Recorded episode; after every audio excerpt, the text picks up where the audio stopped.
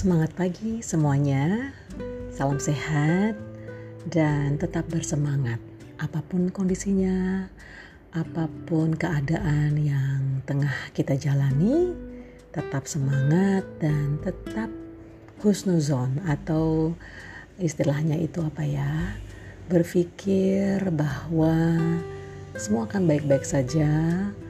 Sang pemilik hidup adalah yang maha baik maha kuasa, maha mendengar semua pinta kita mungkin harapan kita, pinta kita belum saat ini dikabulkan atau belum sesuai dengan apa yang kita harapkan, kita inginkan, tapi jangan lelah untuk meminta dan berharap hanya kepada Yang Maha Kuasa. Ingat itu, ya. Berharaplah pada Zat yang Maha Tinggi, memintalah terus. Ya, tentu bersyukur adalah yang utama. Namun tetap dirasapi, diyakini dalam hati. Kita memohon terus. Ya, bahwa Allah Maha baik dengan segala kemurahan, ya, dengan segala kasih sayangnya kita didampingi terus. itu prolog ya. Itu sapaan di pagi hari yang cerah ini hari Kamis.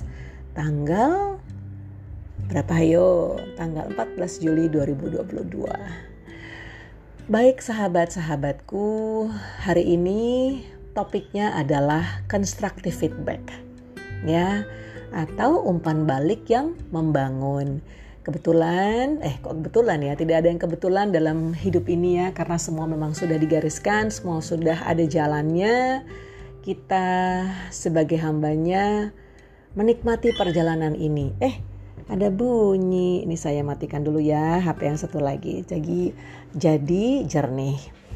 Oke, okay, uh, eh, kembali kepada niat awal menyampaikan kisah atau episode dalam hidup saya yang sangat menyenangkan dan sangat uh, memberikan pelajaran hidup ya karena sejatinya saya selalu merasa bahwa hidup ini adalah penuh dengan pembelajaran. Singkat cerita, episode ini saya dedikasikan untuk uh, adik-adik angkatan saya, sahabat-sahabat saya yang baru ya atau yang belum nggak baru juga sih, tapi mungkin belum mengenal dalam tentang saya ya. Adik-adik OSIS MPK dari SMA Negeri 4 Jakarta juga pendidik-pendidik ya. Ibu Bapak guru di SMA Negeri 4 Jakarta. Jadi pembelajarannya adalah ini dia ya. Eh begini. Ketika kita mengundang atau kita berharap ya ada tamu ya yang datang ke sekolah kita tentu ya kita yang pertama adalah kita mengirimkan surat dong ya itu surat secara resmi disampaikan dari pihak sekolah. Nah, kemudian ada namanya reconfirmation ya, mengkonfirmasi ulang. Jadi undangan itu disertai dengan katakanlah term of regulation ya, TOR gitu. Karena memang undangan tuh beragam. Ada undangan untuk uh, kalau saya karena saya terbiasa diundang untuk menjadi pembicara. Ada yang sifatnya adalah talk show, ada yang sifatnya seminar. Ya, ada yang sifatnya memang uh, diperlukan materi berupa paparan. Nah, rinci jelas disampaikan. Pak Vivit, Bu Vivit katakanlah bahwa acara ini memerlukan materi ya, paparan ya. Nah, itu disampaikan jauh-jauh hari, bukan mepet. Ya, bukan hamil satu. Tapi bahkan kalau saya diundang oleh beberapa instansi ya, baik itu government, pemerintah maupun private, H-14 mereka menyampaikan. Temanya adalah ini, uh, judul silahkan pemateri menyiapkan judul masing-masing, katakanlah gitu ya Lalu panitia berharap akan ada materi berupa apa? Berupa PowerPoint presentation misalnya. Karena ada acara yang hanya talk show, bukan hanya sih, memang konsepnya talk show. Jadi tanya jawab, tidak ada materi. Nah, sebagai penyelenggara menyampaikan ke pembicara bahwa konsepnya adalah paparan uh, Mbak Vivit atau Bu Vivit gitu ya dan akan diadakan di mana? Di kelas aula classic style teater style misalnya atau uh, konsepnya memutar gitu ya duduk di lantai terus pesertanya ada di belakang di samping jadi bentuknya kayak lingkaran atau memang klasik ya klasik style gitu ya. Jadi pembicara di depan lalu audience ada di depan pembicara seperti di kelas seperti itu. Nah uh, ini harus sampaikan jauh-jauh hari sehingga tidak mepet untuk pemateri menyiapkan bahan uh, paparannya ya. Karena uh, uh, ketika disampaikan oke okay, mengisi untuk motivasi tapi tidak ada kejelasan apakah ini memang menggunakan paparan lalu top uh, penyelenggaraannya di mana apakah di kelas di aula dan segala macam atau di lapangan gitu karena kan sedang covid ya sedang covid gitu jadi um, ini tentu tujuannya adalah untuk memberi gambaran jelas dan imajinasi penyelenggaraan itu seperti apa. Ya, itu yang pertama. Jadi confirmation ya, konfirmasi awal undangan lalu reconfirmation. Mau mengkonfirmasi ulang, mengenalkan diri, halo, uh, nama saya bla bla bla dan itu jauh-jauh hari, tidak mepet bukan H-1 saya adalah panitia acara lalala gitu. Saya mendapatkan informasi dari ibu lalala bahwa kami mengundang Mbak Vivit lalala seperti itu. Ya, itu bias, bisa via email, ya kalau resmi bisa via WhatsApp. Kalau memang sudah akrab memang bisa lewat WhatsApp. Tapi kalau belum gitu ya, eh, WhatsApp dianggap memang uh, intim seperti itu. Jadi kalau uh, yang resmi-resmi biasanya via email tapi nggak apa-apa karena saya juga alumni saya senang-senang saja tapi secara prosedur ya itu tetap harus uh, dijalani karena kan uh, jujur kegiatan saya juga banyak ya. Dan waktu itu juga hari Idul Adha tanggal 10 Juli datang uh, pemberitahuan bahwa harus ada paparan. Lala-lala itu hari Minggu 10 Juli. Padahal acaranya tanggal 11 Juli. Itu terlalu mepet. Jadi this is constructive feedback. Ini adalah umpan balik ya saran suggestion yang membangun untuk ke depannya akan lebih baik lagi. Oke, okay, that's a first point. The second point, um, betul bahwa uh, apa namanya media komunikasi kita beragam ya kan jadi sekarang ini memang Instagram yang paling populer lah untuk Gen Y Gen Z ya nah biasanya memang ketika saya diundang untuk menjadi pembicara ada flyer tuh gitu ya bahwa tanggal sekian akan ada motivasi atau pembelajaran dari Mbak Vivit bla bla bla. Dibuatkan flyer panitia meminta foto saya lalu di share ya jauh-jauh tuh jauh-jauh acara. Sehingga apa? Sehingga peserta tahu siapa sih ini pembicaranya gitu. Ya jadi mereka tidak blank audience nih atau peserta itu sudah punya bekal. Oh materi ini temanya ini ya kan? Atau judulnya bahkan mereka udah tahu oh judulnya ini oh pematerinya adalah ini. Jadi mereka tidak datang kosong. Seperti uh, karena saya hari-hari adalah dosen, saya pengajar, sebelum katakanlah minggu depan mahasiswa saya akan datang ke kelas, saya sudah beri uh, materi bahwa minggu depan uh, apa namanya tuh subjeknya atau bahan ajarnya adalah topiknya adalah ini. Jadi mahasiswa sudah membekali diri untuk membaca literatur, textbook, ya bahkan jurnal, sehingga mereka datang ke kelas. Kalau sekarang ini kelasnya adalah katakanlah via online gitu ya, itu sudah isi, sudah dibekali. Ya, jadi poin kedua, eh, biasanya saya selalu diminta foto, lalu panitia membuat flyer, ya foto dan nama, eh, nama saya, lalu uh, materinya, topiknya apa, eh judulnya apa gitu ya, sehingga para peserta katakanlah ini programnya adalah masa pengenalan lingkungan sekolah ya MPLS uh, adik-adik sudah tahu oh ini loh pematerinya gitu. Apalagi pematerinya adalah alumni kan mereka jadi kayak bangga gitu loh. Oh seneng ya ada alumni yang dilibatkan seperti itu. Ya itu poin kedua. Nah poin ketiga uh, andai panitia uh, memang membuat apa ya namanya dokumentasi ya setelah. Nah tadi kan kita bicara pre-event flyer sebelum acara pre-event. Lalu ada D-day ya ketika acara berlangsung lalu post event ketika acara sudah selesai. Nah ketika panitia memutuskan untuk membuat atau merencanakan lah merencanakan membuat uh, dokumentasi yang dokumentasi itu akan dipost atau akan diunggah di sosial media uh, sekolah katakanlah gitu ya.